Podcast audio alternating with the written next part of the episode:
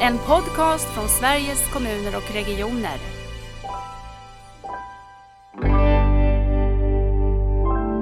Plötsligt kom det rubriker som var Det är bara hälften av alla de sköra äldre som dör som får dö på sjukhus. Och jag kände kunskapsläget och opinionen, alltså flyttades 20 år tillbaka i tiden.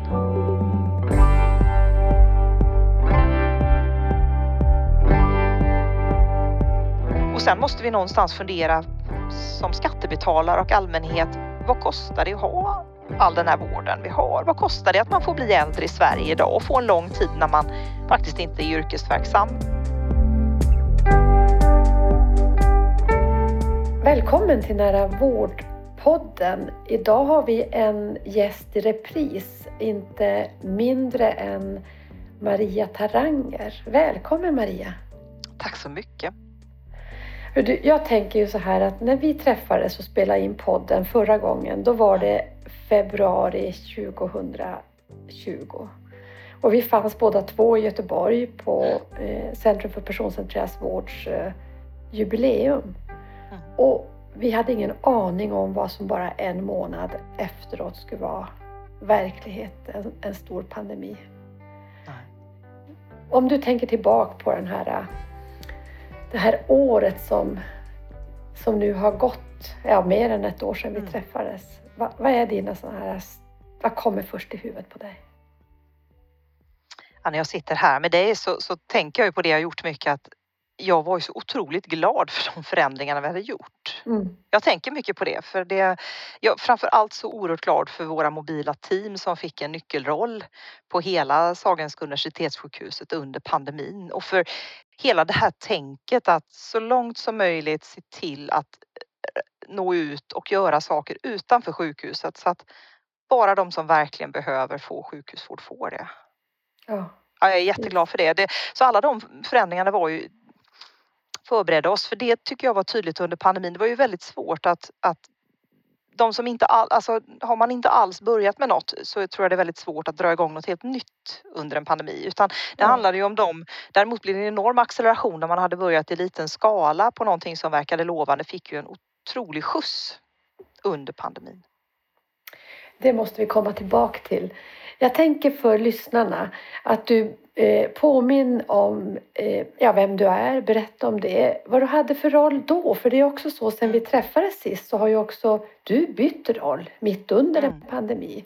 Men berätta mm. både om din tidigare roll och din nuvarande roll och vem du är, Maria.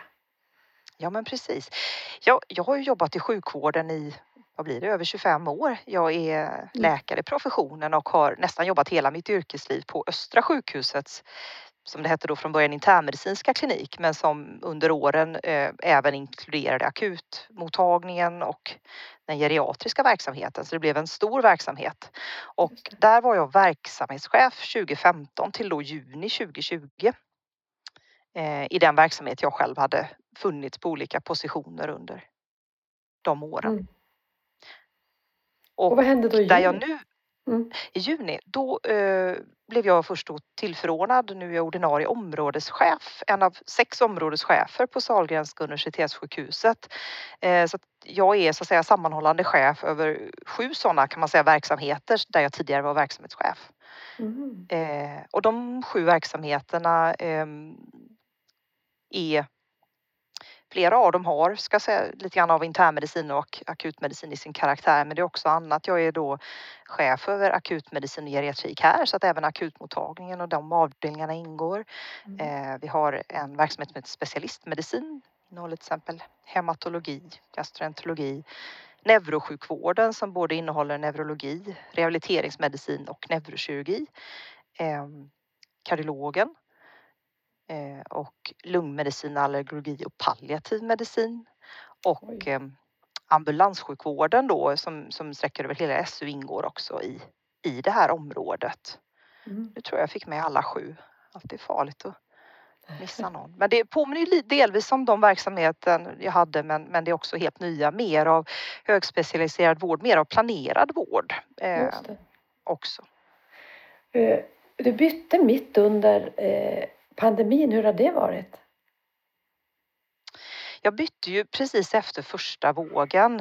Eh, Eh, och då hade vi ju på något sätt fått mycket saker och ting på plats i min gamla verksamhet. Vi hade bra chefer som tog vid där så det kändes ändå som att det var ett okej okay och bra läge att lämna och sen när jag kom hit då i början på sommaren, jag jobbade ju nästan hela sommaren, jag var inte ledig så mycket och då var det ju, det blir ju ett administrativt lugn under sommaren. Jag mm. Lära, känna in mer och det dröjde ju här fram till slutet av oktober innan pandemin drog igång igen med sin andra våg. Så att mm. jag hann lite grann komma in i spelet. Men det är klart att vad jag känner nu, eh, jag är ju en person som älskar att vara ute mycket, träffa mycket folk, röra mig mycket och det har jag inte kunnat göra och då är en ändå ny verksamhet så det, det saknar jag att vara ute och mm, träffa mm, ännu mer människor. Därför det tänkte jag också när vi pratade ledarskap förra gången mm. att det, det är ju verkligen en del av, av dig och ditt ledarskap uppfattar jag. Mm.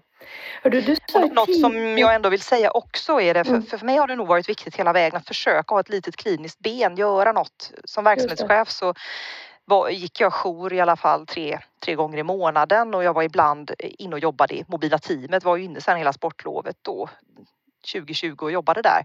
Eh, och det hade jag tänkt göra här också i Sahlgrenskas mm. mobila team. Jag var inplanerad eh, julveckan skulle jag in och jobba och stötta och så. Men då drog ju pandemin igång så det var så pass mycket chefsfrågor som jag var tvungen att jobba med under julhelgen så jag kunde inte det och eh, det har inte blivit av. Det enda jag gjorde var, har gjort nu är varit telefonansvarig för ambulansen på långfred, långfredagen där inför påsk. Men det kan jag sakna lite också. Jag, hopp, jag vågar liksom inte sätta upp mig än på någon klinisk tjänstgöring innan jag Nej. vet att det För det ställer man till det i verksamheten innan man, om det är så att man behöver rycka in som chef. Mm. Jag förstår det ja, du får ha det på din lista framåt. Men i de här verksamheterna som du nu är övergripande chef för, ligger mobila teamen också? Har ni ja, mobila så... team i de verksamheterna? Mm. Jajamän, eh, Sahlgrenska tomtens mobila team. Det. Och det är någonting som är roligt under, eh, under det här året att vi har fått ihop. Vi har ju eh, de mobila närsjukvårdsteamen på Sahlgrenska universitetssjukhuset började med att Mölndal öppnade ett team, de var allra först i början av 2017. Sen vi på Östra öppnade vårt slutet på 2017 och expanderade ganska snabbt. Vi var kopplade till en större verksamhet än Mölndal så vi fick eh, kanske mer volym fort och sen eh, kom då Sahlgrenska tomtens mobila team som, som sist ut. Och vi har haft lite olika profiler vi tre. Men det som har blivit mm. väldigt roligt nu är att vi har jobbat ihop oss mycket under det här senaste året. Och där leder jag styrgruppen för de här tre olika teamen. Och mm. vi är liksom förvånade från att det har varit lite grann tusen blommor blommar så, så kommer det nu ett in, alltså tryck inifrån att nu måste vi ensa våra rutiner, se lite mer likartat ut. Och det blir det blir väldigt bra när det kommer liksom inifrån och inte mm. uppifrån. Och det, det känns roligt för det är också lättare för dem vi jobbar mot, för ambulansen, för kommun och primärvård, att vi ser mer lika ut. Det är rörigt för dem att hålla reda på tre för olika verksamheter. Mm, det kan man ju förstå. Du, du sa tidigt i, Läkartidningen, redan 24 mars 2020, eh, så här att vi tror vi klarar, jag tror vi klarar det här för Västra Götalandsregionens långsiktiga satsning på mobila team kan bli räddningen i coronatider. Mm. Och då, då tänker man ju ändå hur, hur gick det? Du sa lite i början där. Vad har det betytt? Och det betytt mycket. Det har betytt mycket uh, den här tiden. Uh, vi dubblade ju väldigt snabbt kapaciteten och det vi märkte på Östra sjukhuset att det tog ju trots allt någon månad, eh, faktiskt hela mars månad innan patienterna blev så många inne på sjukhuset. Men däremot mm. förfrågningen att komma ut och göra bedömningar utanför sjukhuset, att eh, bistå eh, på särskilda boenden, korttidsenheter och, i hemmen. Eh, det, den, det behovet kom en gång så att mobila teamet de, de jobbade som illrar hela, alltså från början av mars och expanderade och så. Eh, så det, det, var en tydlig utveckling. Och sen såg vi de på de andra sjukhustomterna, Mölndal och Sahlgrenska dubblade också sin verksamhet. Och vi hade tätt samarbete då med ambulanssjukvården. Mm. och också med eh, något som har kommit till under pandemin också är att vi har eh, bemannar nu ambulansen, eh, bedömningsbilarna där med akutläkare, vilket är en helt ny ja, vi kan prata om det också, men det är en, en ny som också samarbetar med de mobila teamen på ett nytt sätt. Så det är mycket, väldigt mycket som har hänt i den, som man tidigare sa, prehospitala vården. Vi, vi Elisabeth Hammar här som är verksamhetschef på ambulansen. Hon eh, vill att vi ska gå ifrån det uttrycket med prehospital vård utan hon vill Mm. kalla det extra hospitalvård. För det handlar inte bara före utan det handlar om under och efter och man kanske inte kommer in till sjukhuset Nej, alls. precis.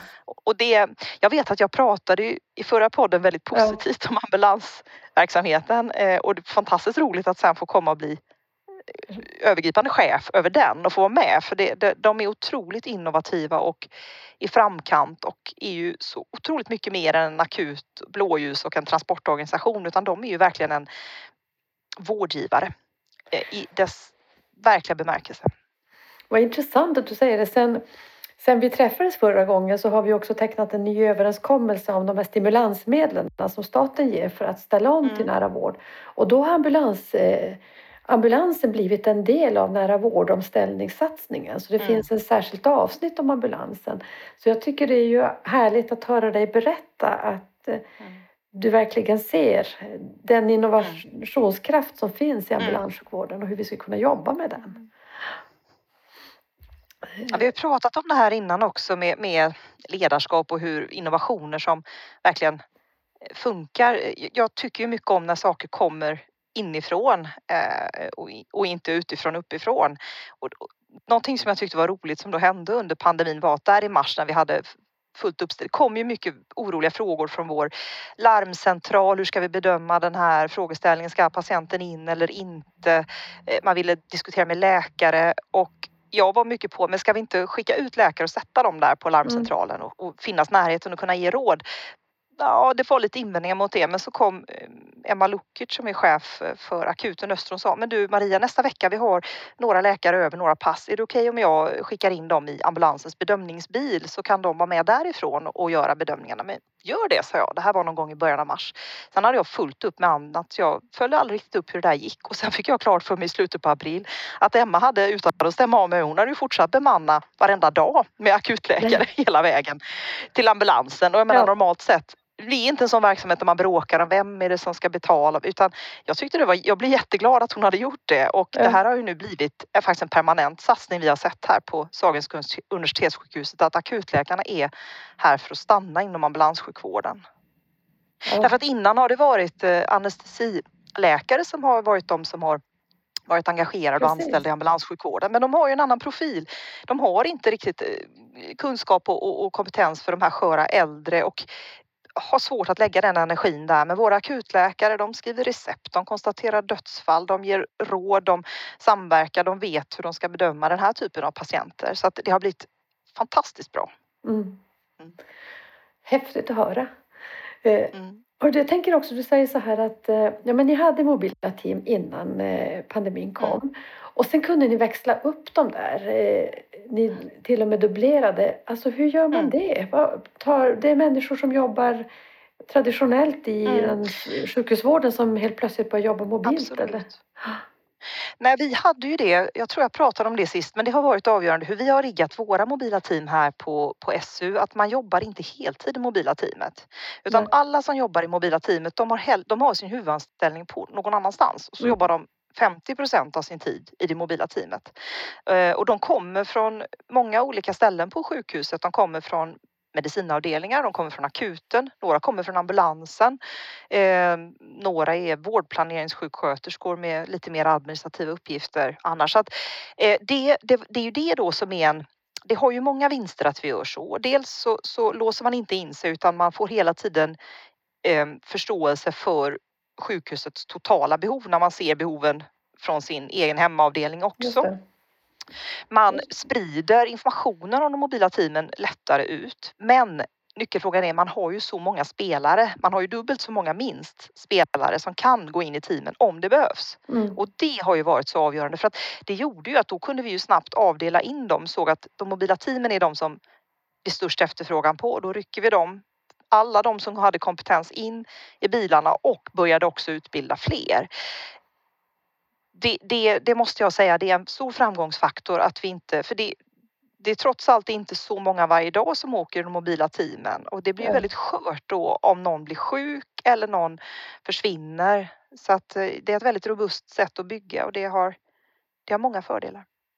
Berätta lite grann om kopplingen också. Jag tror du gjorde det i förra podden också. Men på nytt kopplingen till primärvård och den kommunala hälso och sjukvården. För att någonstans där så tänker jag att eh, eh, vi behöver mötas och få ihop det. Ja, jag uppfattar ju att vår modell här inte har de, den, den konfliktytan mot primärvården som, som jag uppfattar att en del andra närsjukvårdsteam runt om i landet har haft. Och det, mm. det är väl att vi är ganska tydliga med att vi tycker egentligen tycker vi att de som är bäst för de sköra äldre och för den här typen av vård, det är primärvårdsläkaren. Det är det bästa mm. om en primärvårdsläkare där man är listad som förhoppningsvis känner en mm. kommer ut. Det, det, är absolut det bästa. Mm. Men om det av olika skäl, logistik, brist, att man inte har arbetssätt, om inte det funkar, då är våra mobila team näst bäst. Ja, och det sämsta är om man istället kommer in till sjukhus. Så därför så, så slåss vi liksom inte riktigt om samma yta utan vi är ganska ödmjuka. Eh, vi, vi frågar alltid, vill ni att vi kommer? Eh, vi är väldigt noga med när det ringer sjuksköterskor från kommunal hälso och sjukvård så frågar vi, har ni först varit i kontakt med primärvårdens läkare? Vill de att vi kommer? Och eh, då har de antingen liksom stämt av och de önskar vår hjälp. Då säger vi okej. Okay. Ibland så säger de, vi har försökt ringa nu tre, fyra gånger, vi får inte tag i dem, läget är akut. Okej, okay, tänker vi, då åker vi ut. Mm. Så att vi försöker att aldrig runda dem. De är de viktigaste och jag brukar beskriva det att vi är lite grann som flytspackel i sprickorna då. Mm. Eh, vi ska bara vara där det är en spricka och, och, då är vi där. Sen kan man resonera om att jaha, men om den vårdcentralen funkar sämre då får de ju mer hjälp av er. Och är det rättvist? Nej, det vet jag inte om det är rättvist men, men det är det som är det bästa för de sköra äldre. Och jag ja, tänker att sen får ju vi chefer på övergripande nivå kolla vart är det vi gör mest insatser och analysera det och se hur man kan undvika det och jag tror ju då tyvärr att det kommer ta 20 år innan vi bygger, upp en primärvård som gör att man kan klara sig utan oss. Om mm. någonsin, det vet vi inte riktigt. Nej. Så att ehm, det, det har väl gjort att jag känner att vi har ett gott samarbete med primärvården och Sen handlar det om att man inte ska gå på varandra och att inte flera är inne och åker hem till samma person utan att man vet om varandra och där, där har vi ett sånt där elektroniskt system, Samsa, där vi även gör vårdplaneringar och där har vi börjat nu.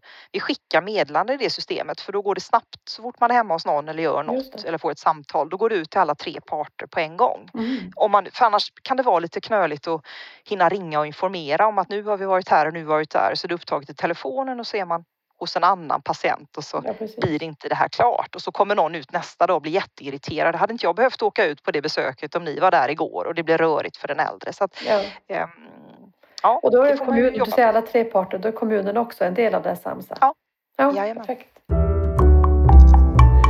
Hörru, du, du har ju varit en av de röster som har hörts i debatten kring vad som är bäst för sköra äldre. Berätta lite grann om, eh, om din syn på både på debatten som har varit kring mm. eh, de äldre och eh, om det är bäst med sjukhus eller kanske det särskilda boendet och hur du ser ja. på frågan.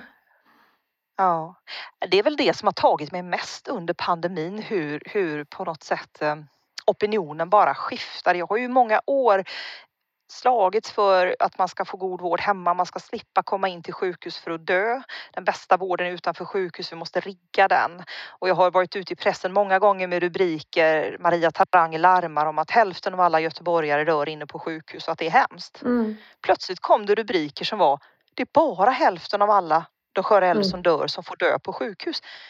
Och jag kände kunskapsläget och opinionen, alltså flyttades 20 år tillbaka i tiden. Eh, det gjorde mig väldigt ledsen för det var, och det var ganska hårda toner och, och folk blev anklagade för att inte unna de sköra äldre en god vård på mm. sjukhus. Och mm. Sen förstår jag att det, det, har ju blottat, pandemin har ju blottat brister. Vi har ju, det vet ju inte minst jag om, att vi har funnits för lite utanför. Det är klart att, att vi måste ut och vidta åtgärder så man får en bra bedömning, en god smärtlindring, eh, bra brytpunktsamtal så att det blir bra. Och, och, det, där räcker vi fortfarande inte till. Men det vi gjorde under pandemin här i, Göteborgsområdet, det var ju att vi satsade mycket på det här ihop. Så att det man, vi gjorde ju mer av detta än någonsin. Men det är klart, det räckte inte hela vägen och, och då såg man väl de bristerna. Mm. Men, men det var en konstig debatt. Eh. Det är en otroligt viktig debatt att eh, att ta och föra. Och mm. självklart att man har rätt till den individuella planen och att läkarmedverkan mm. hos de här sköraste patienterna är så otroligt viktig. Både läkarmedverkan och medverkan Mm. från andra professioner och en god medicinsk kompetens Mm. runt den. Det, och det håller jag med om och det, Mm. där, kan jag, där får jag säga, det är ju där vi får säga när vi har brustit. Har man inte fått en individuell läkarbedömning då Mm. har vi absolut gjort Mm. fel. Och det, Mm. det, men eh, har man fått en individuell läkarbedömning så kan den i väldigt många fall vara att man faktiskt har det bäst att det inte bäst. komma in till sjukhus och då, eh, då blir det konstigt när det kritiseras. Precis.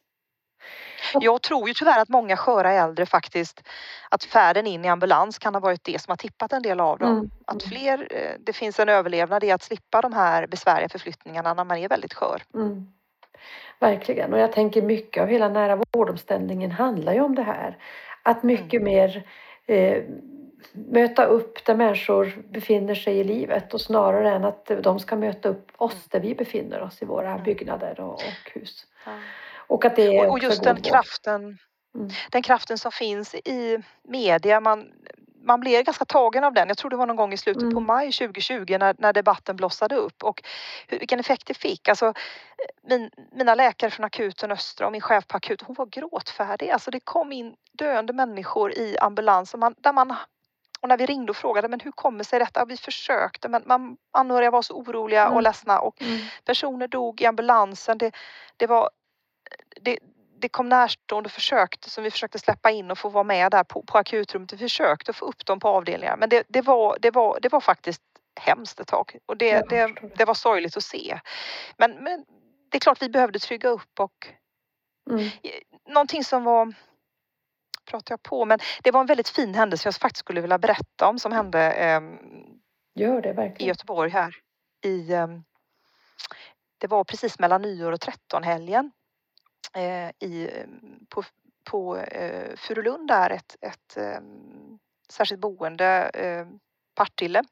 Och eh, där, vi har ju samverkansmöten med chefer i, i kommun och primärvård och på ett sådant samverkansmöte så fick eh, David Genbeck som biträdande verksamhetschef på Medicin Östra, han fick reda på att nu har det blivit ett, ett stort utbrott av covid-19 på det här äldreboendet. Vi tror att det är en 17 personer som är drabbade Mm. och eh, läkaren i primärvården, det var, eh, det var eh, flera av kollegorna där som var, det var vakanser, det var någon som var sjuk. Det fanns, det fanns knappt någon läkarresurs kvar just då de Mm. dagarna och de hade svårt att nå. Det är lite grann som, som chefen där för, beskrivit det sen att det var ju lite grann en katastrofsituation egentligen att försöka räcka till för de här personerna, göra planer och göra just individuella bedömningar. Men eh, David sa ju med en gång, vi har ju det, jaha, vänt, låt mig återkomma och efter en timme efter det här mötet så sa han, men vi, vi riggar ihop, eh, sätter ihop en ny bil. Vi har ju de här Mm. systemen då med att vi har många som kan så att han bemannade upp en extra mobil bil och avsatte den först två dagar och sen ytterligare en dag veckan därpå. Så det kom ut en läkare och en sjuksköterska från sjukhuset, satte sig där på, på Frölunds äldreboende och tillsammans med de sjuksköterskorna där eh, så gick man igenom alla de här patienterna. Man gick in, man gjorde individuella bedömningar, planer där man bedömde har den här personen nytta av sjukhusvård om den försämras och hur ska vi göra? Mm. Och man identifierade att några av dem skulle nog kunna ha nytta av sjukhusvård om de försämrar. Det vill, för det vi inte kunde erbjuda där var syrgas och det var ju det som Ja, var frågan. Och då gjorde vi också, kunde också ambulansen då som vi samarbetade med komma ut med syrgastuber och så gjorde vi Mm. test på dem där vi trodde. Så vi testade under en timme förbättrar syrgasen den här personens välbefinnande och eh, läge och tolererar den, för det var många som var dementa. Klarar de Ja. att ha kvar det eller blir det? Och, och då, på det sättet så kunde vi, jag tror att det var två personer till slut som vi av de här eh, 20-talet personer som vi bedömde, ja men de behöver komma in tror vi. Det är nog, och då kunde vi göra det. Men för resten så kunde vi ge en trygg vård och hjälpa till med ordinationer, samtal med närstående på plats. Och det, alla har varit väldigt tacksamma över det. Eh, kommunal hälso och sjukvård, primärvården och, och vi var ju också tacksamma för att annars hade vi kanske behövt nästan öppna en hel vårdavdelning Ja, till såklart. för de här personerna. Men, Ja. Och de fick vara kvar i sin hemmiljö och få den bästa vården. Och så önskar jag att det Fantastiskt. kan få bli liksom överallt. Ja, alltså det, det var en väldigt fin. Vad tror du kommer att, vara kvar av era mobila team? Nu har ni växlat upp. Kommer ni nu att växla ner eller vad, vad tänker du? Det har vi gjort redan lite gjort. granna Mm. i, alltså kommit ner till någon slags halv, nivå. Så att, så att, och det, det är ju det som är vår styrka. Vi kan växla upp och ner efter behov. Sen på sikt så tror jag att vi långsamt kommer att mer göra den lite mer långsamma uppväxlingen. Eh, att vi behöver göra ett nytt omtag, komma ut till nya avdelningar som inte riktigt är vana att jobba på det här sättet som då kan våga skriva ut sina patienter tidigare. Eh, be oss följa upp någonting. Vi behöver vi ska ha ett, än, ännu mer nu ut och möta våra kollegor i primärvården så vi hittar former för samarbete och att man hör av sig till oss oftare. Vi ska ja, fortsätta prata med ambulansen och akutläkarna. Så att på sikt tror jag att vi kommer växla upp mer mm. igen. Men mm. vi har gått ner lite men vi är inte nere på som var före pandemin utan någon slags halv, kanske en och en halv. Har ni någon typ av utvärdering? Så ni jobbar med någon utvärdering eller genomlysning av vad hände under här, den här under pandemin och vad har vi gjort för lärdomar? Gör ni något sånt? Mm. Ja, alltså hela, dels har vi en stor genomlysning i hela VG-regionen. Sen har vi på Sahlgrenska universitetssjukhuset haft en särskild genomlysning eh, av eh, hur det fungerar det här och eh, hade en professor som kom hit från eh, Karolinska som gjorde en, mm. en bedömning av det. Och det är klart, det var, det var ju mycket, det var kring ledningssystem och hur vi jobbade, men, men det som han var väldigt imponerad av, som han sa, behåll nu absolut er ambulanssjukvård ja. inhouse i er egen organisation.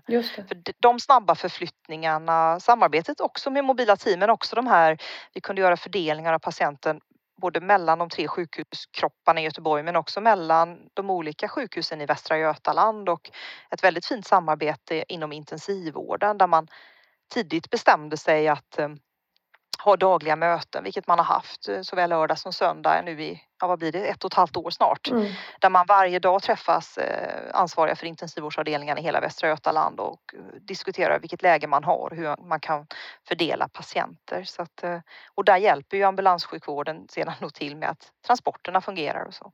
Just det. Jag tänker på ledarskap och jag tycker att många vittnar om en eh, mindre byråkratisk styrning under mm. pandemin. Det är klart det är en kris, vi måste handla snabbt. En större tilltro till de som finns i verksamheterna. Eh, har du sett det och har du reflekterat kring det? Mm. Ja, för min så säga, personlighet och min ledarstil så på det sättet så passar det här läget väldigt, väldigt bra. Mm. Jag gillar ju när det är, alltså nu, nu blir det ju, pandemin är det ju ett ganska tydliga mål. Det är ganska, det, ja, det är ganska tydligt för alla oavsett vilken position man har för alla 17 000 på SU vad som är målet mm. Eh, då. Och det är klart att då går det lättare att, att improvisera kring och man är inte lika beroende kanske av rutiner. Sen har det ju varit mycket med, men, men det här att man är lite snabb och att man testar saker och att man inte sitter och utreder i 111 år innan man prövar något utan man testar något, man utvärderar snabbt på ett kort möte, man ändrar, man skruvar. Det, det tilltalar mig mycket och jag hoppas ju att vi ska behålla det sättet att jobba.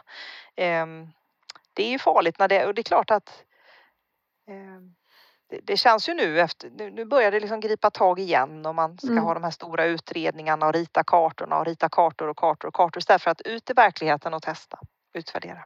Mm. Ja precis, för jag tänker det du berättar om precis med ambulanssjukvården att det är ju mm. häftigt att se hur hur kraften finns där när man mm. väl säger att nu kör vi, nu mm. testar vi. Mm. Även om jag håller med och har tänkt reflekterat mycket kring det att det är klart med så tydligt mål och som ett mål som också handlar om mm. att möta en kris det, det förenar ju på ett sätt som man kanske inte kan ha i det långsiktiga och då behöver vi hitta någon väg mittemellan där kanske. Mm. Men, men det, det som jag har sagt i många sammanhang det är att Ehm, det här vällovliga att försöka skapa rutiner och riktlinjer, vilket man gör i bästa välmening för att det ska bli rätt för folk för ska få ett stöd och känna att de rör sig inom eh, rätt mm. Eh, riktlinjer och råmärken. Det finns ju tyvärr något mm. väldigt passiviserande mm. i det och, och en, en, man, varje gång du gör en riktlinje så sänder du signaler att det här kan du inte tänka ut själv. Nej. Precis. Och, och det, det, är klart, det, men det måste vara en balans i det och den balansen kantrar tycker jag tyvärr åt, åt att det blir för mycket riktlinjer och för lite att man litar på människor. Och människor blir väldigt passiva, de blir osäkra, de är mm. rädda att de följer riktlinjer och gör de ingenting alls. Och det, det kan vara väldigt farligt också. Mm. Eh, mm. och där måste vi vara, vi måste verkligen tänka efter hundra gånger. För sen kommer det riktlinjer där man tittar på i checklistor och man följer checklistorna och, ja. och så, så ramlar man och så blir det aldrig någonting, det blir aldrig någon verkstad utanför checklistorna. Nej, precis. Och jag tänker just att skapa osäkerhet, i välmeningen att skapa säkerhet. Så skapar, så skapar man, man också otrygghet. Klarar jag det här? Mm. Har jag mm. följt det rätt? Vad var det nu som var nästa steg? Mm. Ja, det är intressant.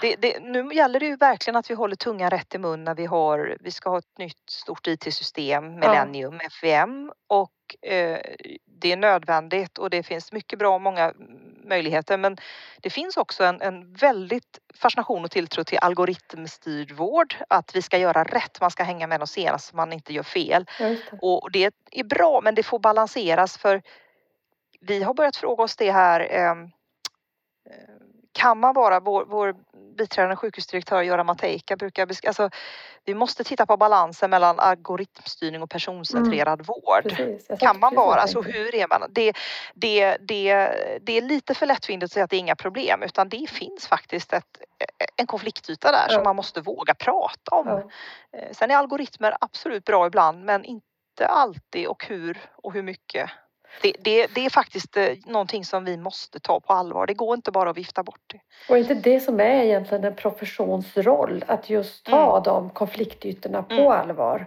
och mm. vara i det och eh, mm. lyfta det. Mm. Eh, det är något ansvar, tänker jag, för en profession att mm. göra. Du, jag, jag funderar på hur, hur ser du på omställningen till nära vård nu efter det här dryga året som har gått? Har det förändrat din syn på eh, omställningen? Egentligen inte. Har, för mig har det bara varit, vad var det jag sa? Ja. det här är viktigt. Nej, jag känner att vi har fått en skjuts och, och det öppnat ögonen för många fler som har varit mer skeptiska eh, till att förstå att det är hit vi måste. Men det finns en lärdom för att om man med nära vård tror att man på något sätt helt ska kunna avveckla sjukhusvård. Alltså, mm. Samtidigt så tycker jag att pandemin har också visat hur viktiga sjukhusen är. För ibland mm. har vi pratat lite ja, sjukhusen var, alltså, men sjukhusen har väldigt viktiga uppgifter också. Mm, mm. Det är väldigt speciell vård som faktiskt bara kan ges på sjukhus och den mm. vården kommer ju också expandera.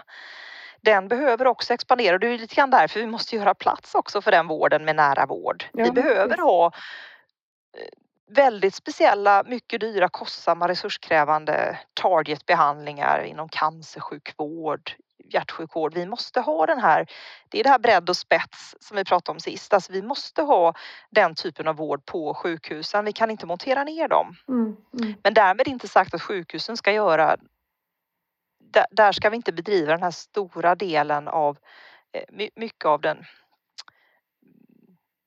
nära vården som, som kan ges någon annanstans just för att vi måste göra båda delarna, mm. både bredd och spets. Mm. Och det, det har ju blivit där har jag ju med min förflyttning nu min tjänst, alltså där har jag ju jag hade väldigt mycket mer bredd. Jag hade lite spets i min gamla verksamhet men inte så mycket, inte så mycket planerad ja, vård eller högspecialiserad vård. Jag hade lite grann då med vuxna med medfödda hjärtfel men, men, men, mycket, men här har jag mycket mer 50-50 procent så att säga. Ehm, och här blir det mycket tydligare för mig att det är ta och ge. Va? Det är, akutsjukvården och, och de frågorna kring sköra äldre måste få sin plats. Men det får inte heller kantra utan vi måste kunna ha möjlighet att ta in och göra plats för den elektiva, väldigt högspecialiserade vården också. Men det måste hela tiden vara en gung, gungbräda och pandemin här har ju gjort att de här verksamheterna har ju samarbetat fantastiskt fint mm. eh, och det är en annan förståelse och en annan samsyn hur man ska fördela platser och hjälpa varandra med, med bördor. Men, men det, det är klart att det har också sina konfliktytor och det, det är väl det jag ser som min huvuduppgift nu, att försöka parera där och få folk att mötas och träffa och hitta lösningar i detta. Det.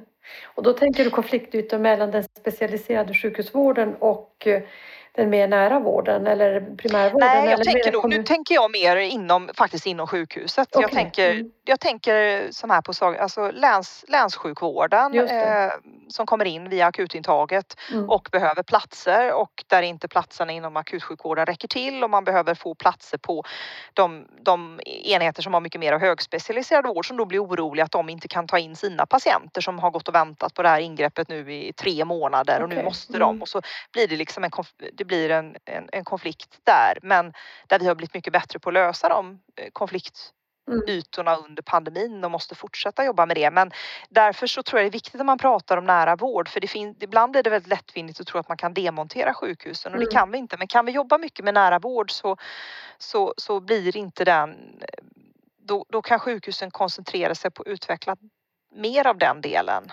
Eh, men det är ju inte så att man...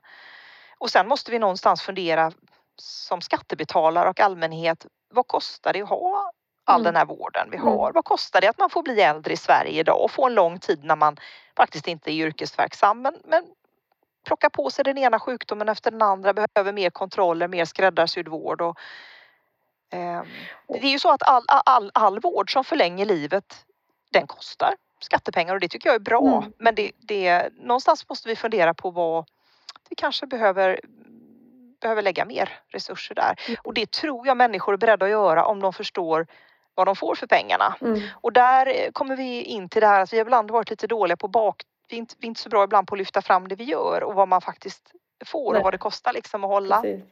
den vården.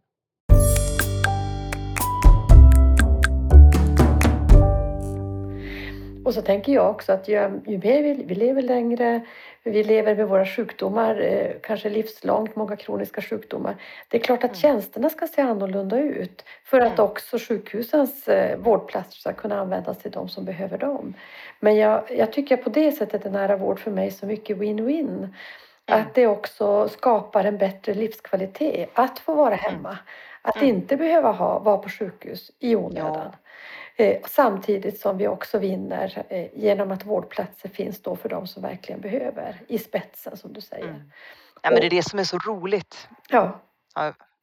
Jag blir så ivrig så jag avbryter. Jag ska vara Nej men lugna mig. nej, det, ska, det är du som ska prata. Nej, men Eh, det, alltså nära, ja, det, det, är, det är så många vinster i detta. Det är Ja. verkligen det. Och, och där måste vi i vården backa. Vi är så omhändertagande ibland. Och ja, i den nära vården, människor vill få kunskap och verktyg för att ta hand om sin egen sjukdom. Men de vill inte bli lämnade helt ensamma. För det är ju det man ibland får. Att de blir liksom lämnade utanför vården och får ingen hjälp alls. De vi, vår uppgift är att ge verktyg Mm. och liksom en, ett stöd. mm, Och vara var liksom uppskattade rådgivare och, och göra människor, ge människor makt och, och ta kontroll över sin sjukdom och det måste vi göra. Vi kommer inte räcka till. Vi kommer inte eh, räcka till att ha den bemanningen som vi har per sjuk person Nej. idag. Den kommer bli mindre och då, då tack och lov så finns det många vinster i att få, få manövrera sin egen sjukdom och då Precis. måste vi släpp, våga släppa och det vågar vi inte alltid. Vi är lite Nej. hönsmammor, vi bäddar ner folk i sängar och tänker det bästa är att du ligger här jag har koll på det och jag Precis. går och hämtar vatten till dig och så. Vi måste sluta med det. Men det är faktiskt, där har vi ett nytt roligt samarbete på gång här med, mellan Chalmers och Sahlgrenska universitetssjukhuset där vi har liksom Ja. en stor övergripande paraplykoncept som heter När vården flyttar hem och det handlar om att forska på allt ifrån teknikutveckling just det. vi har en mobil röntgen på väg eh, ut här nu som ryms i en liten ryggsäck som, som vi ska testa. Eh, Men också att man forskar kring organisation och arbetssätt för det är ju minst lika mycket det det handlar om. Mm. Så det, det ska bli väldigt spännande att utveckla det. Gör de på uppdrag André. av er, Chalmers eller? Nej, de har Nej. tagit kontakt med oss. Ja. Ehm, Ja, det blir Eh, väldigt spännande att följa. För de tittar väl Andreas också... Hellström Just det. Som, som eh, leder det arbetet, de ansökningar som har tagit kontakt med oss och vill ha samarbete och även då med näringslivet på ett, på ett nytt sätt. Så att, ehm, Och de och, har och samla ihop någon, allt som pågår. de har väl någon gren också som tittar på lokaler och utformandet och Ja, sådana saker också. precis. Miljön och... Absolut och där är det så roligt att, att eh, Helle Wik som är, är professor och med i arbetet, hon sitter ju i min ledningsgrupp här, min Mm. Ja, områdesledningsgrupp. ja. Ja, det är en av mina två akademirepresentanter så att jag har ju verkligen, nej, det, jag har kommit till ett väldigt roligt sammanhang där allt eh, Ja, ja, fusionerar. Mm. Härligt. Du, är det eh, något annat som du känner eh, att du vill ta upp nu så här när, vi, när du kommer tillbaka till den här vårdpodden efter ett pandemiår? Något som du vill berätta mer? Jag tycker jag har, jag har ju kastat mig in och nämnt många saker. Så att jag tror jag kommit in på, på de här förändringarna men, men, men det är viktigt nu att vi inte ramlar tillbaka i det här checkliste och planeringsträsket där vi, inte kom, där vi inte gör någonting. Mm. Vi måste göra saker, vi måste pröva, vi måste våga misslyckas. För det, jo, det skulle jag nog vilja säga. Det tycker jag, det här syndabocksletandet i pandemin, att man är upprörd över att inte samhället visste exakt hur man skulle liksom landa rätt Mm. när det kommer en pandemi. Mm. Och att man tror att det finns någon som på något sätt har, har orsakat detta. För mig blir det väldigt tydligt att, att människor tror att allting går att påverka och lösa. Vi lever i en, i en natur, det här är naturfenomen som dyker upp. Det, precis. Och lösningen är ju inte just, ja, nästa gång då ska vi ha de här, de här beredskapslagren och då ska vi ha x antal IVA-platser. Alltså jag ser ju att lösningen för att klara nya, för det är ju inte, det är inte säkert det kommer en pandemi Nej. nästa gång. Det kommer något helt annat som vi mm. inte vet vad det är. Och då är lösningen att vi måste ha mer självgående människor som vågar testa nya saker. För det är mm. det som har hjälpt oss i pandemin. Som, mm. vågar, som vågar misslyckas men inte men stämmer av, som kan samarbeta. Mm. Eh, och som inte kör naturligtvis, för då kan man ju köra helt fel om man kör iväg helt själv och inte lyssnar på andra. Men människor som kan samarbeta, våga testa nytt, då kommer vi vara rustade för vad som kommer. Men vi ska inte tro att vi ska kunna sitta och räkna ut exakt vad som kommer och ha den beredskapen, Nej. för det vet vi inte. Nej, för då tänker jag mycket att det handlar ju snarare om lärdomen blir att hur skapar vi tillit mellan människor så vi kan mm. jobba tillsammans när saker händer, mm. än att tro att vi ska tänka ut vad som ska hända och rusta exakt, exakt för det. Så att, eh, det är ju spännande. Det är ju mycket spännande ledarskapstankar. Det kanske får bli om ett år, Maria, när jag bjuder tillbaka dig till Nära vårdpodden så pratar vi om ledarskap och dina erfarenheter efter pandemin. För då hoppas vi att den eh, Ändå har vi gått tillbaka till någonting som är mer, mer likt det vi var mm. när vi träffades där i februari 2020. Mm. Mm. Jag tänker att du får även den här gången reflektera lite grann vad, vad nära är för dig innan vi avslutar. Mm.